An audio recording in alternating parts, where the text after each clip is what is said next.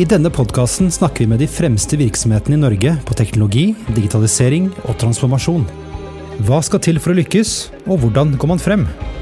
Du lytter til Teknologi og mennesker, en podkast av Athea og Oslo Business Forum. Jeg har virkelig gledet meg til denne episoden. Rett og slett fordi vi har, et, uh, har noen gjester her som er ordentlig hardtslående. Vi hadde en liten uh, prat ute i gangen her i stad. De, er helt syke. Ikke syke, det er de ikke. Men det, det er fantastisk. Jeg tror energien her kommer til å ta helt av. Eh, og det er jo heller ikke meningen å gjøre dere depressive, fordi vi lever jo i en verden hvor, eh, hvor, det skjer en rekke eh, ting. Noe av dette skal vi berøre selvfølgelig i denne episoden. Det er energikrise, det er klimakrise, listen er kjempelang. Økende befolkning, krig, mangel på mat, inflasjon, fall i økonomien og skatt, som vi skal høre sikkert mer om etterpå. Men det er også muligheter her, eh, det har kommet flere rapporter som har sett på hvilke næringer som vi skal leve av i fremtiden. Og en av disse skal vi vi da altså dykke ned i, og det er altså havbruksnæringen. Eh, og denne næringen har jo vært en eksportsuksess, eh, men det er kanskje på tide å skal vi lykkes fremover, og tenke litt nytt eh, og ta noen grep, sånn at vi får utnyttet de superkreftene som er i næringen, som er i nasjonen vår, og som, er, som teknologien gir. Så det er jo, Dere har ikke kommet for å høre meg, så nå tenker jeg at vi må introdusere disse gjestene. Det er Roger Hofseth, som er gründer og CEO i Hofseth International AS. Dag Slettmo, som er rådgiver i DNB Seafood. Og så har vi Per Helge Devold, som er styreformann i GATT og CMO i MMC First Process. Velkommen. Dere er her. Velkommen. Eh, hvis vi setter deg bortest. Ja. ja, nå har jeg snakka dere veldig opp, da. Så nå er det store forventninger. Jeg er jo egentlig ferdig. Ja, dere er ferdige. ja. Eh, men du, eh, Roger, jeg tror vi må starte med deg. for Vi kunne jo lese i Finansavisen eh, om det var i dag eller i, i går, at du har jo vært i vandrehallen på Stortinget og tatt tak i statsministeren. Ja. Hvordan var den opplevelsen? Nei, det var noe Det var ikke mer enn hva jeg forventa. Altså, det var noe altså, Vi har jo et sånt, litt sånn ufint uttrykk på Ellingsøya, altså her jamning. Det er dekkende for mye. at det, det er ikke noe spesielt bra eller ikke noe spesielt dårlig heller, men det, du får jo ikke noe svar. Selv om du prøver å presse på. Ja. Jeg hørte rykter om at eh, eller Du fortalte kanskje selv at du holdt på med håndtrykket ditt. Ja, jeg dro det ganske veldig hardt. så jeg tror han jeg så han var litt skjelven etterpå. Da, men eh, Jeg tenkte jeg kunne tatt enda litt, men eh, det er jo Ja, det er trist, egentlig. Vi kommer tilbake til noe av det etterpå, men eh, eh Dag eh, du, har, du, er jo rådgiver i DNB eh, Seafood, eller sjømat. Eh, og du har ganske god oversikt over hvordan, hvordan ser det ut i denne næringen akkurat nå? Altså, hvis vi glemmer det temaet som Roger nettopp eh, nevnte, så ser det utgangspunktet veldig bra ut. Det er en bransje som er litt spesiell fordi den har så utrolig bra kall det etterspørsels bakgrunn. Hvis du ser deg rundt omkring i næringslivet og ser litt på historien, så har man gjerne industrier som kan vokse fort i noen år, og så gir det seg. Men mat går aldri av mot, eh, moten. Og etterspørselen bare øker. Det blir flere folk på jorden, det vet alle til kjedsommelighet. Men kanskje det enda viktigere driver er at folk i eh, såkalt emerging markets blir rikere. Og det omtrent det første folk gjør når de blir litt rikere, er at de begynner å spise bedre. Det betyr å spise mer protein, sånn at etterspørselen etter protein vil øke veldig mye fortere enn befolkningstilsveksten befolkningstilveksten og mat generelt uh, tilsier. Og så tenker jeg at kanskje særlig lakseoppdrett er veldig godt posisjonert. fordi utgangspunktet er at vi skal produsere mer mat på en planet som allerede har to kjempestore utfordringer. Den ene snakker om hele tiden, det er klimaet. Og så den andre har begynt å snakke mer om, men ikke like mye, det er artsmangfoldet, ikke sant, som er kollapser. Og der er lakseoppdrett veldig bra. Det er et lavt klimaavtrykk i forhold til annen eh, proteinproduksjon. Og så har det selvfølgelig en påvirkning på det lokale miljøet, og kanskje særlig villaksen. det vi tenker på. Men alternativet er å gjøre dette på land. Og den største kraften bak kollapsen av artsmangfoldet i verden, det er matproduksjon. Det er ikke fordi bøndene er så ille, men det er bare fordi vi legger beslag på så enorme arealer for å produsere mat på land. At det fortrenger dyr og planter og insekter osv. Derfor må vi flytte mer over, på, over i sjøen. Mm. Og I 2021 så eksporterte vi jo sjømat for 120 milliarder omtrent. Eh, men eh, Det er jo én ting, men eh, dere har jo sett på ringvirkningene Fordi det er jo en hel verdikjede her, eh, med leverandører, arbeidsplasser osv. Eh, hvordan ser det ut nå? Eh, Menon sin analyse som, ble, som kom ut denne uka, viser jo at det er 120 milliard eh, i ringvirkninger innenfor havbruk. og 106 000 ansatte. Men det er jo ikke dermed sagt at det er 106 000 innenfor havbruk eh, alene. Det er jo alle de små og mellomstore selskaper langs hele kysten som, som leverer utstyr til, til havbruksindustrien, eh, som, som, er i dette tallet her. Og, og det som var, var tydelig når vi, vi, fikk det tallet presentert, det er jo at det er faktisk Møre og Romsdal som er suverent størst. På tross av alt her er kanskje suverent minst konsesjoner. Så det viser jo hvor ekstremt stor utstyrs- og teknologileverandørindustrien til havbruksnæringa er. da. Eh, og, og det er et faktum at um, Sunnmøre kanskje er, og Møre og Romsdal er et episenter innenfor havbruksteknologi i, i, verden. Men det viser hvor ekstremt viktig det er å fortsette å ha vekst innenfor havbruk for også utstyrsleverandørene. For det er én krone laks er 70 øre utstyr og teknologi. Og det er, en, det er, en, formel som man er nødt til å ta inn over seg i det, det bildet han, Roger prater med, med Støre. At det, det, er faktisk veldig mange andre selskap som, som henger med på, på den utviklinga havbruksnæringa har. Roger, hva tenker du om eh, den beskrivelsen av hvordan det ser ut? Ja, men Det er helt riktig. Altså, vi er jo, det jeg ser, bare for vi som selskap det som jeg bruker å fleipe, at vi er jo investert som fulle fiskere i forventning av at uh, ting vil fortsette. sant? Mm. Bare vårt selskap så har vi investert i bortimot 1,3 eh, milliard de siste to åra. Og eh, det, alt har vært gjort på basis av at, at eh, du har politisk stabilitet. da. Så, egentlig, så, så, situasjonen er jo Mulighetene er helt enorme. Men eh, hvis dette her blir vedtatt, så tror jeg det det blir en kalddusj, og vi ikke setter på vår region siden eh, olje eh, Da kollapsen av oljeprisen. og offshorenæringa og underleverandørene der. Mm, Nei, det, det, er jo en næring som, som, er, som Roger også sier, som investerer mye tilbake igjen i alle lokalsamfunn. Eh, og, det er en næring som nå har hatt bygd opp en skikkelig fart. Det, er en næring som eh, er, som er globalt ledende.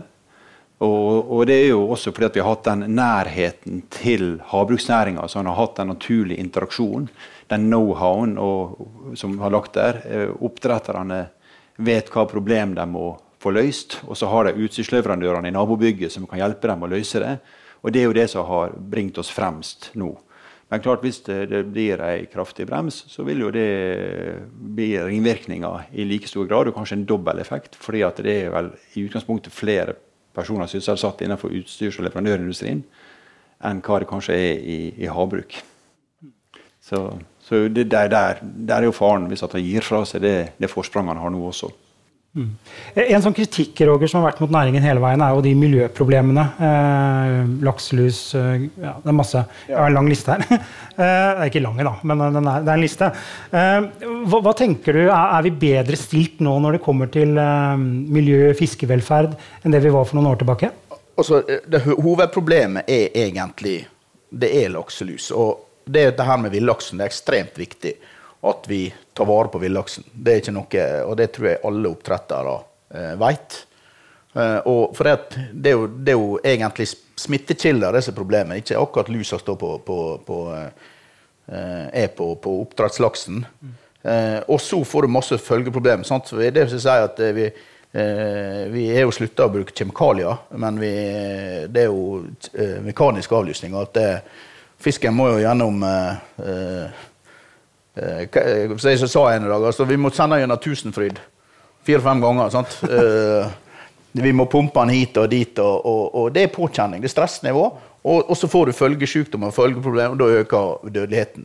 Har ikke, så hadde det ikke vært for denne her lusa, så, så, hadde det sett ekstremt mye bedre ut. Akkurat det her med miljø dette her at folk snakker om forurensning og sånt, det, det, det, er en diskusjon som jeg kan gjerne tenke meg å ha tatt. Det er et annet forum. Da, men også fjordene våre er egentlig eh, undergjødsla. Altså Oslofjorden er overgjødsla, men det er ikke pga. oppdrett. Men i våre fjorder, altså 700-800 meter, så er det på en måte Vi er miljømålinger eh, to ganger i året. Altså det er ingenting igjen. Og Sora er jo blitt så dyrt at uh, det er jo ikke noen som overfôrer som de gjorde i gamle dager. Mm. Det er jo en verdikjede her hele veien, og, og den går jo på fiskevelferd, biomassesikkerhet og produktkvalitet. Og det er jo verdiskapende hele veien, og det er jo det oppdretterne lever av. Så er det ingenting mer enn oppdretter vil enn å ha utstyr og teknologi som gjør at fisken kan ha det best mulig hele veien. For jo mer han får for fisken, jo mer tjener han. Så på, for vår del er jo bærekraft faktisk en verdi. Det skal jo være sagt sånn at hvis, hvis du forsvinner i lusa, så har jo leverandørindustrien her et helvete problem. så det må ikke vi glemme, altså. Vi arver i lysa. Jeg skal eh, starte masse, både MMC og Rostein og alt sånt, så eh, dere må ikke snakke ned om lusa. Fra deres side, iallfall. Vi har mye annet vi kan bruke tid på. Også. altså, vi sier av og til litt sånn flåsete, med at lusen er jo litt sånn som OPEC også for oljebransjen. Ikke sant? Men det er den som gjør at myndighetene har holdt igjen på kapasitet, og derfor så har tilbudet vokst litt saktere enn etterspørselen, og derfor blir prisene veldig gode. Så det er også da et element i uh, betraktning. Men jeg tenker en ting som det gjelder sånn bærekraft, jeg tenker at det er ganske bra. altså noen ting blir litt bedre, så ser vi andre ting kanskje ikke har blitt nødvendigvis bedre. Men samtidig så blir jo kravene strengere. ikke sant? Du sier Man kan ikke bruke kjemikalier lenger. Sant? Hvis du har kall det en jevn utvikling i forhold til myndighetskrav, men myndighetskravene blir strengere underveis, så har man jo på en måte forbedret seg. Og så tenker jeg at En ting som også er viktig, er at sant, det er naturlig når vi bor i Norge, at vi tar det lokale perspektivet. Men vi har også dette globale perspektivet som jeg snakket om innledningsvis. For jeg tenker at det er på en måte et dilemma at all matproduksjon vil ha et visst avtrykk. Det kommer vi aldri unna. Hvis du ser på energi, ikke sant? der man et begrep som energitransisjon. Så hvis du bygger solkraft eller vindkraft osv., så, videre, så har det også noen negative effekter. Men som samfunn så aksepterer vi det, for det er veldig mye bedre enn de fossile greiene som det erstatter. Mens på mat så tenker vi ikke system, vi tenker bare siloer. Og mat er faktisk et kjempeproblem. Matsystemet globalt står bak ca. en tredjedel av globale klimautslipp. Hvis ikke vi klarer å redusere de vesentlig, så når vi aldri netto null. Bill Gates sier f.eks. at hvis vi bare produserer den maten som vi må produsere, den økningen pga. økt befolkningsvekst, med samme teknologi, på samme måte, så vil utslippene øke med to tredjedeler. I en sektor som allerede er kjempestor. Og som vi også sa innledningsvis, mat er veldig dominerende i forhold til ødeleggelse av eh, artsmangfold osv. Så, videre. så der føler jeg at det er viktig at man tenker litt mer som system på mat. Og du hører av og til ordet 'food transition'. Den har ikke satt seg sånn som energy transition, men det tenker jeg er et kjempeviktig begrep. At man tenker at alle må bli bedre. Men det handler ikke bare om at alle siloene må liksom bedre seg med 10 Det handler også om at vi må flytte aktivitet fra det dårlige siloer til gode siloer. Og der er jo akvakultur en kjempegod silo. Og så er det, er det, det altså Vi kan kritisere myndighetene på skatt og alt dette her, men hvis du ser forvaltninga, da og, og, han kan jo tenke seg grønn på alt, og så skal du flytte et anker, så må du levere 1200 sider til fylket, så ingen gidder å lese. Men uh, det er jo egentlig uh, hadde, det er Suksessen til Norge det er forvaltninga vår, egentlig. Og det, det, på en måte Hadde ikke hatt så strenge ting som vi har må da fulgt med oppdrettsnæringa, så hadde ikke vært der vi er i dag. Og Det er jo derfor at Norge har på en måte nesten den beste biologien i verden. For at vi har så mye system, og vi må vi blir så kontrollert, og vi har et byråkrati som er helt enormt, som får følge med oss. Og det er på en måte den gode sida med å, å, øh, myn, altså myndighetskontrollen som vi har hatt. da. Så, øh, så jeg, tror det hadde vært, litt friere, så tror jeg det hadde smølt litt mer her også. Det skal jeg få love deg. Vi har jo kunder i... Det er mange som tenker kortsiktig i denne næringa. Vi har faktisk kunder i Chile som har sagt at de oppfatter norske myndigheter som et norsk konkurransefortrinn. Så det er mye kjeft til myndighetene, men jeg tror de kan være litt stolte av den jobben de har gjort, og at de fleste oppdrettere er egentlig ganske fornøyd med regulatoren når du skraper litt under overflaten. Fortalte du det til statsministeren, Roger? Uh, nei, jeg gjorde ikke det. Jeg prioriterte de sju-åtte minuttene jeg hadde for å si alt annet. Ah, ja, ikke sant. Uh, og vi kommer tilbake til det. Trelge, eh, denne mulige, altså, nå er jo Denne næringen da, har jo blitt pekt ut som en mulighet eh, for Norge fremover. Eh, hva for deg, fra ditt perspektiv, hva, hva, ligger i denne muligheten? Skal vi bare gjøre mer av det vi gjør i dag, eller er det noe annet som ligger her? Ja, eh, det er enormt med muligheter. Eh, både for oppdretterne, men for landet også. Mm. Eh, som, som, en ledende nasjon på havbruk og havbruksteknologi så, så er Vi snakker veldig mye om laksen i Norge, men, men, det er jo en ganske liten del av den globale akvakulturindustrien, tross alt. Men det, det, vi har gjort, det er jo at vi har på en måte bana litt vei på, på teknologisida. Og, og, det har vært eh, investeringsvilje eh, i utstyr og teknologi til å passe på laksen. Og det er jo utstyr og teknologi vi kan bruke på andre arter. Og, og der er jo langt større, eh, større bruttotonnasje ute i, i, andre markeder enn hva vi opererer med i Norge også. Så det er jo en kjempemulighet for Norge å ta en, en globalt ledende posisjon. Og, og, det som skjer også sånn i det store bildet med både eh, bombe, eh, klima og, og, pandemi, så er jo det at det, verdensbildet endrer seg rundt oss. Eh, folk eller land vil produsere mat og sikre proteinproduksjonen sin sjøl. Og, det også gir jo en kjempemulighet for oss. For en ting er at vi ikke kan sende fisk over hele verden i framtida. Men vi kan definitivt eksportere kompetanse og utstyr. Og, og det er jo en, en, mulighet som vi definitivt ikke må gi fra oss, og vi må, må holde på. Og da trenger vi nettopp å ha den farta som vi hadde opparbeida, og videreutvikle næringa. For det, det, var sagt at eh, havbruk skulle bli den nye oljen. Eh, men, men, til motsetning til olje så lager vi ny fisk hele tida. Vi, vi, forbruker ikke opp en naturressurs. Vi skaper jo en ny ressurs hele tida og foredler den og forvalter den videre. Så det er jo muligheten vi, vi, vi har.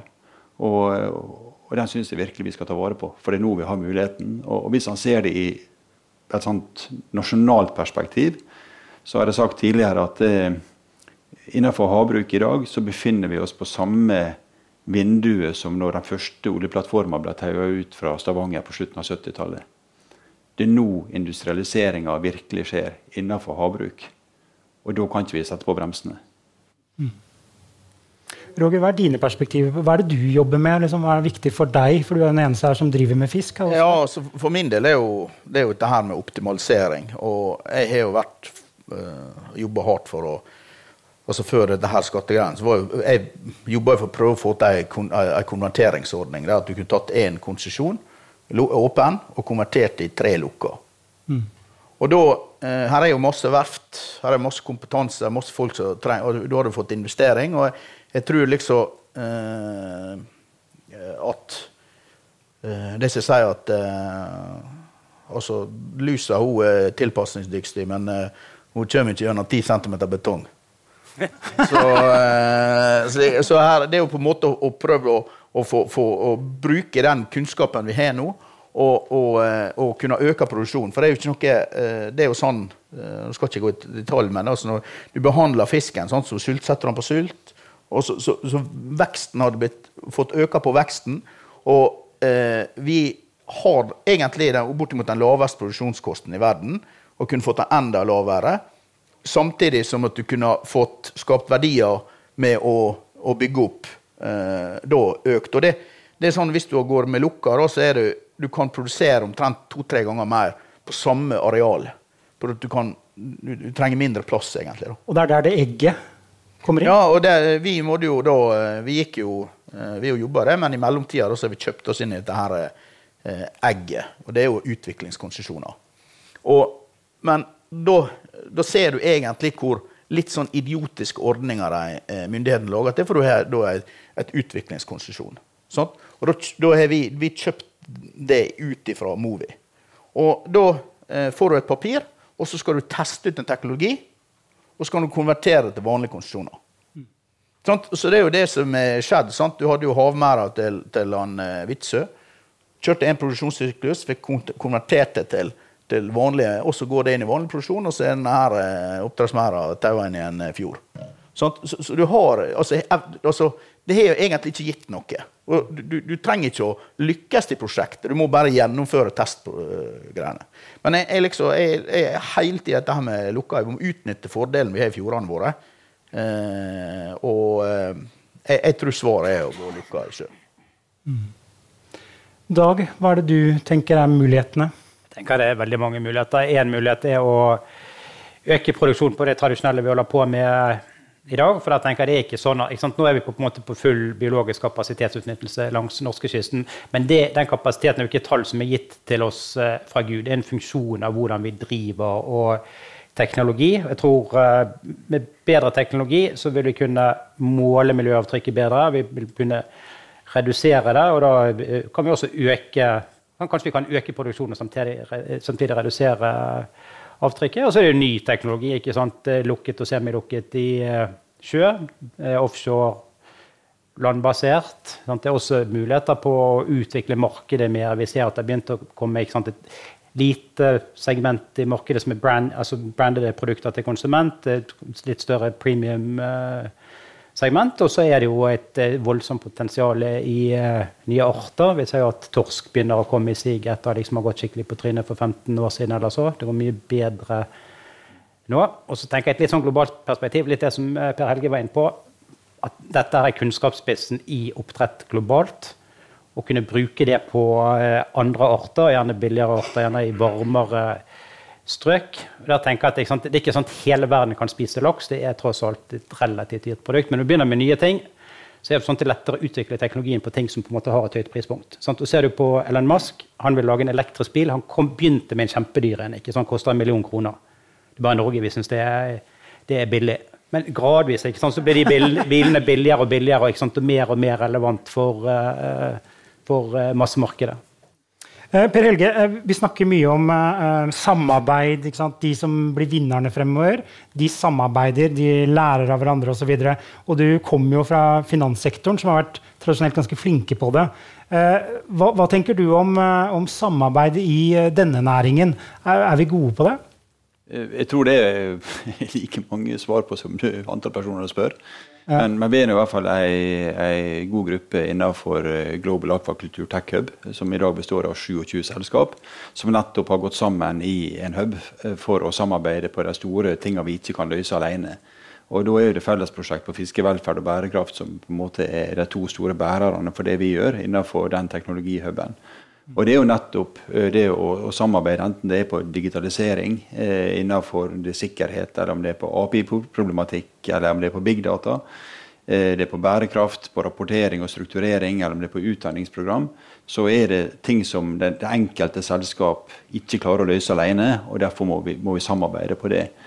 Og, og, det samarbeidet forgreiner jo seg også til, eh, til akademia eh, og, og skolevesenet. Nettopp for at vi klarer ikke å lære opp det folket vi trenger inn i næringa sjøl hele veien.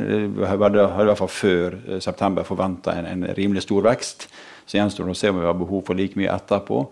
Men i hvert fall det var allerede satt i gang da program for å sørge for at uh, skolevesenet kan komme ut med personer med en hatt som passer inn i akvakulturnæringa.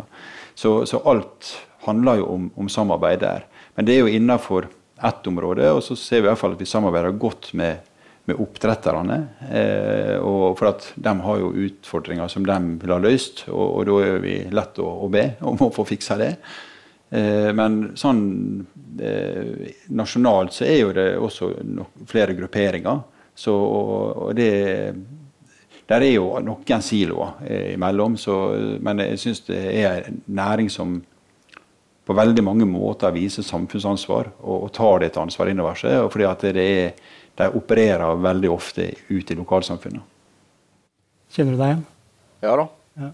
Og eh, det er jo sånn, eh, vi, eh, vi har jo sett dette her, vi har jo brukt lokale leverandører. Det er jo, det er jo dette her å samspille. da. Du har et problem, snakker med dem, så kommer det noe, sitter det masse teoretikere. sånn at Det er veldig godt å få praktikerne i kontakt med teoretikerne for å, for, å, for å, se hva som er mulig. Sant? For det, det er jo det er jo vanvittig lang vei å gå for å utvikle dette. Det, er, det er jo ikke tvil.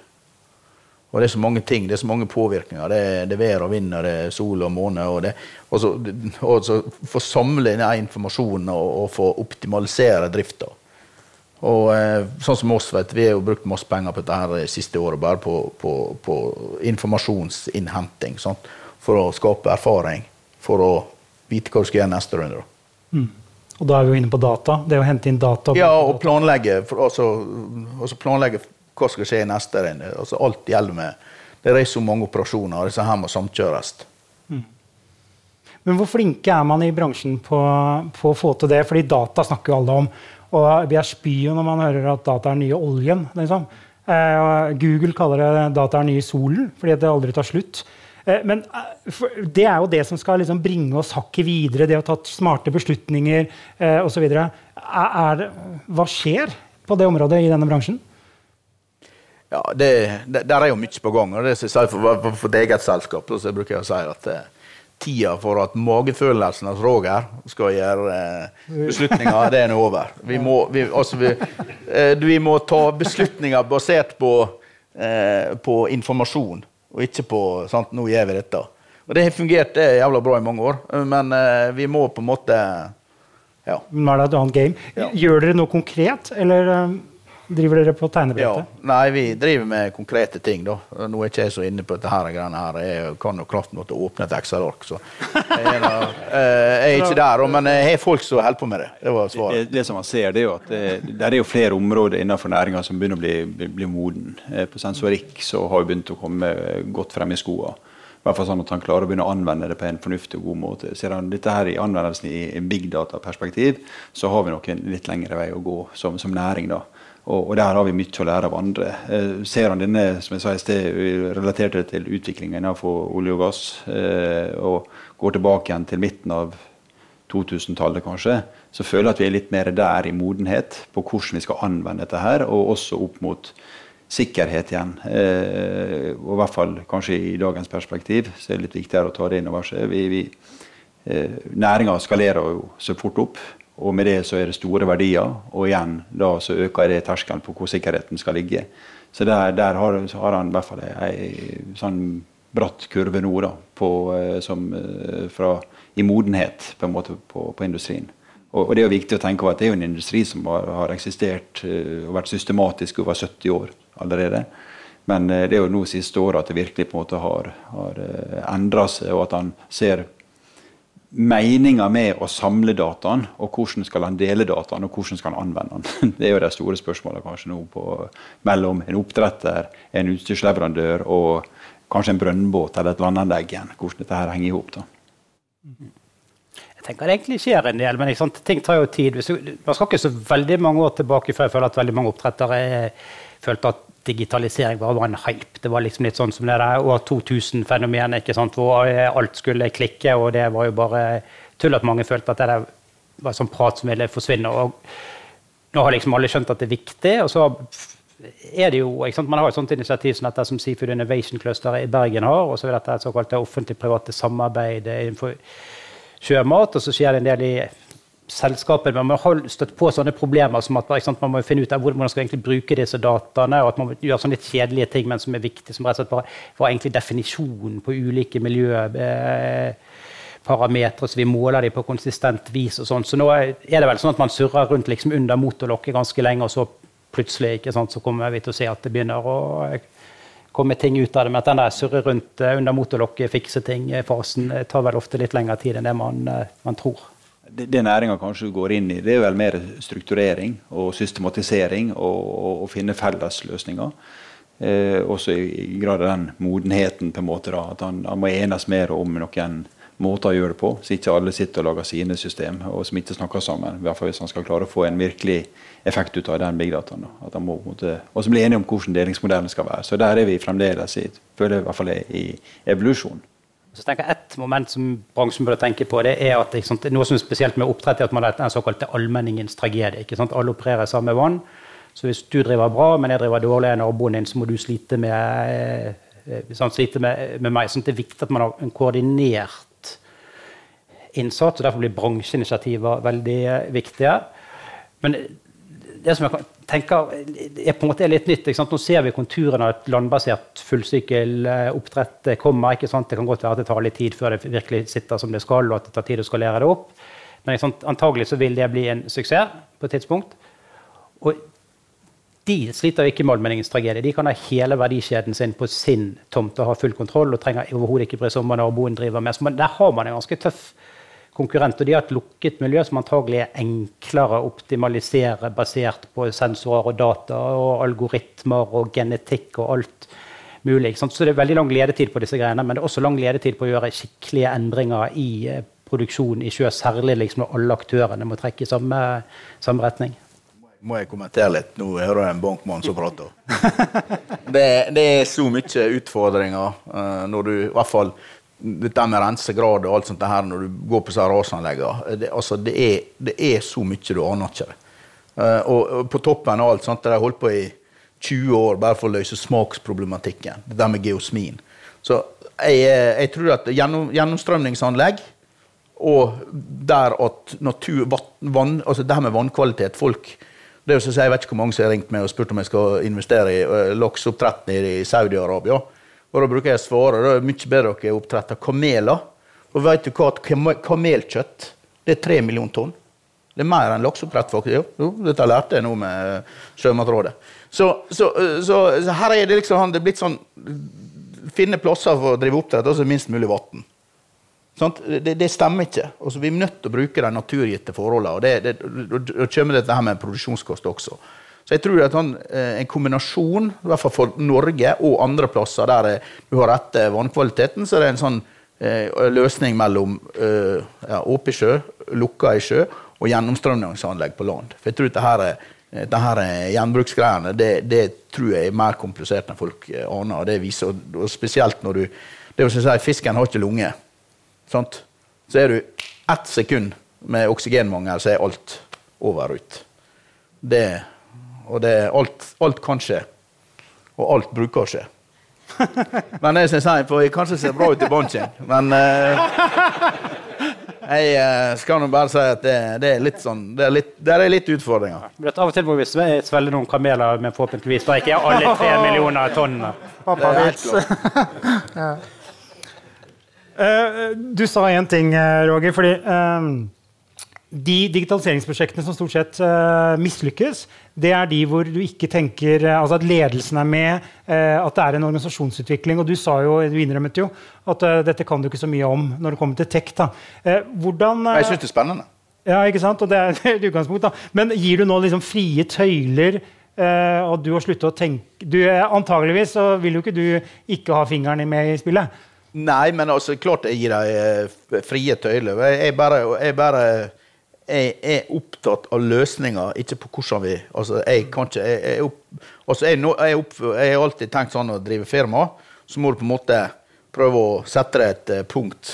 Som du kjører bil eller kjører båt, skal du gå beint, så må du se langt fram i horisonten. Så kan du ikke sitte sånn på gullstripa, for da blir det vaglete. Ja. Eh, og det, det, er litt sånn dette her med eh, dette her med eh, teknologi og digitalisering. Og så.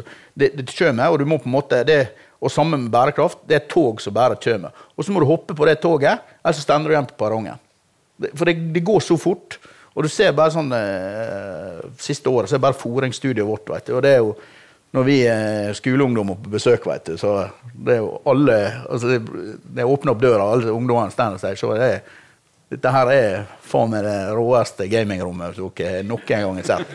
Og det er skjermer, og det er fjernkontroller, og det, det og, så, så, det er jo vi, vi, Det har skjedd mye de siste tre åra, bare. Mm.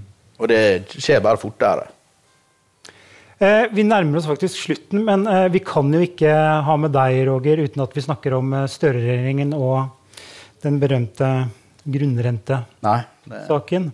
Eh, det er problematisk. Kan du ikke ja, ja. si, For du har jo vært kjempeaktiv nå de siste ukene for å prøve å påvirke og få det til å ikke skje. Ja, altså det, det, er jo sånn, det, det, er jo faktisk alt med formuesskatt og alt mulig. Så er jo det, så Satan Støre også at jeg må egentlig jobbe for det fram til midten av november. Og så er det siste en og en halv måned. For du, hvis du slår sammen alt nå, så er du oppe i 85% skatt. Mm. Hvem, hvem i F så gidder å jobbe for det? Og du dreper jo entusiasmen. Du dreper jo skaperglede og alt mulig. Og så jeg sa at alle eh, altså Jeg har ingen problemer med å betale skatt, men vi må på en måte vi må, vi må, sørge for at vi har konkurransekraft med utlandet. Det er nummer én. Hvis vi knuser den, da, det, da det, går det fort galt. Og så jeg sa til han også at det, nå er vi, er på et sånt, vi er et fly. Så er på taksebanen. Og så er vi kommet godt uti, og så skal og så kommer Støre og Vedum og bare drar på, og så er det bare triller flyet rett inn i veggen eller skogen eller på Vigra og ramler ut i sjøen. Sånn, for, det, for det, det, det, er på en måte all, Hvis du ser på på, på uh, myndighetene for, uh, de konsentrerer de, de, de, henger seg opp i tallene på, på resultatet. men de ser ikke i, i sammenheng med balansen. Hvis du ser på avkastning på egenkapitalen på et lakseoppdrettsselskap i dag, så er ikke det nok særlig større enn mange andre. Altså DNB er mye høyere avkastning på egenkapitalen. tror jeg, I hvert fall eh, 10-12 Ja, det bedre ja. sånn ti, ti, Men 10 12. investeringer, altså, og, og dette her er det masse selskap, Norlax, SalMar og så enorme eh, beløp de har investert siste åra. Og så har alle gjort det basert på konsesjonsverdiene, som er et, et papir du egentlig kan tørke deg i ræva med. Eh, hvis ikke noen vil kjøpe det. Og nå er liksom, hva, hva er verdien på det? Sant? Så, så jeg skaper jo usikkerhet, og så begynner jeg å kritisere utlendinger. Hvem som har dratt opp verdiene på disse selskapene? Det er utlendinger som har investert. Sånt? Og vi, er- eh, hva er oljefondet? Det er et av verdens største Tenk hvis utlendingene begynte å kritisere oss. Så, så, så det, det, er så, det er sånn, Men igjen, da, så Jeg hadde veldig stygge tanker første gangen jeg kom denne her. eh, Det var bare, ja, jeg var, jeg var jo tenkte borgerkrig og det meste, men nå er jeg liksom kommet og fått roa meg litt. da. Og det, så, så, tenker jeg igjen, da. Fokusere framover. Eh, disse her eh, tullingene som sitter nå, eh, det er det tre år. Nå må vi sørge for å få- overbevist og alle politikere. Og det er når jeg har snakka og har møte om det Senterpartiet og Arbeiderpartiet, og begynner å gå i detalj, så begynner jeg å forstå hva galt det er. Og, det, det, og vi må nødt til å bruke mer tid, og det er liksom sikkert en av vi har vært litt sånn både næring og Jeg har nå aldri tenkt på politikk, men jeg liksom begynt sånn nå i stedet for å se på Netflix og se det på spørretimen på sånn, du, må, du må på en måte Du må på en måte på, du må på nødt til å- involvere, da. Så eh, så jeg håper alle som sitter her, at eh, dere vet hva dere skal stemme neste gang. I hvert fall ikke så tullinger.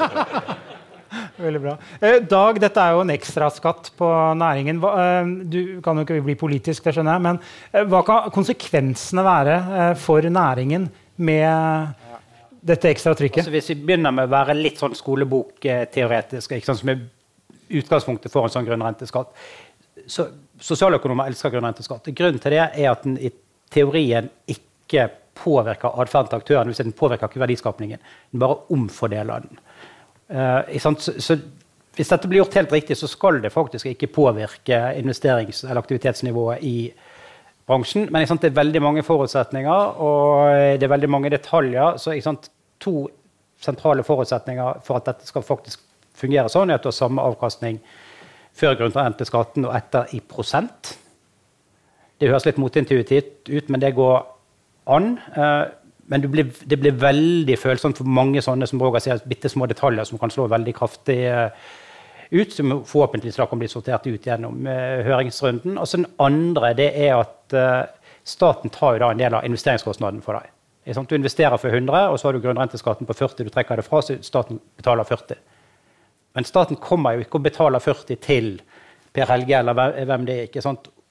Si, oppdretter må legge ut disse pengene, og så får han det igjen av staten. Men får du det igjen liksom i morgen, eller om ett år eller to år eller fem år, og hvordan finansierer du det beløpet i, eh, i mellomtiden? eh? Det er veldig viktig eh, at det blir gjort riktig. Og så er det en ting som også på en måte er ting å tenke litt på. det at Dette er et rammeverk som kommer i stor grad fra olje.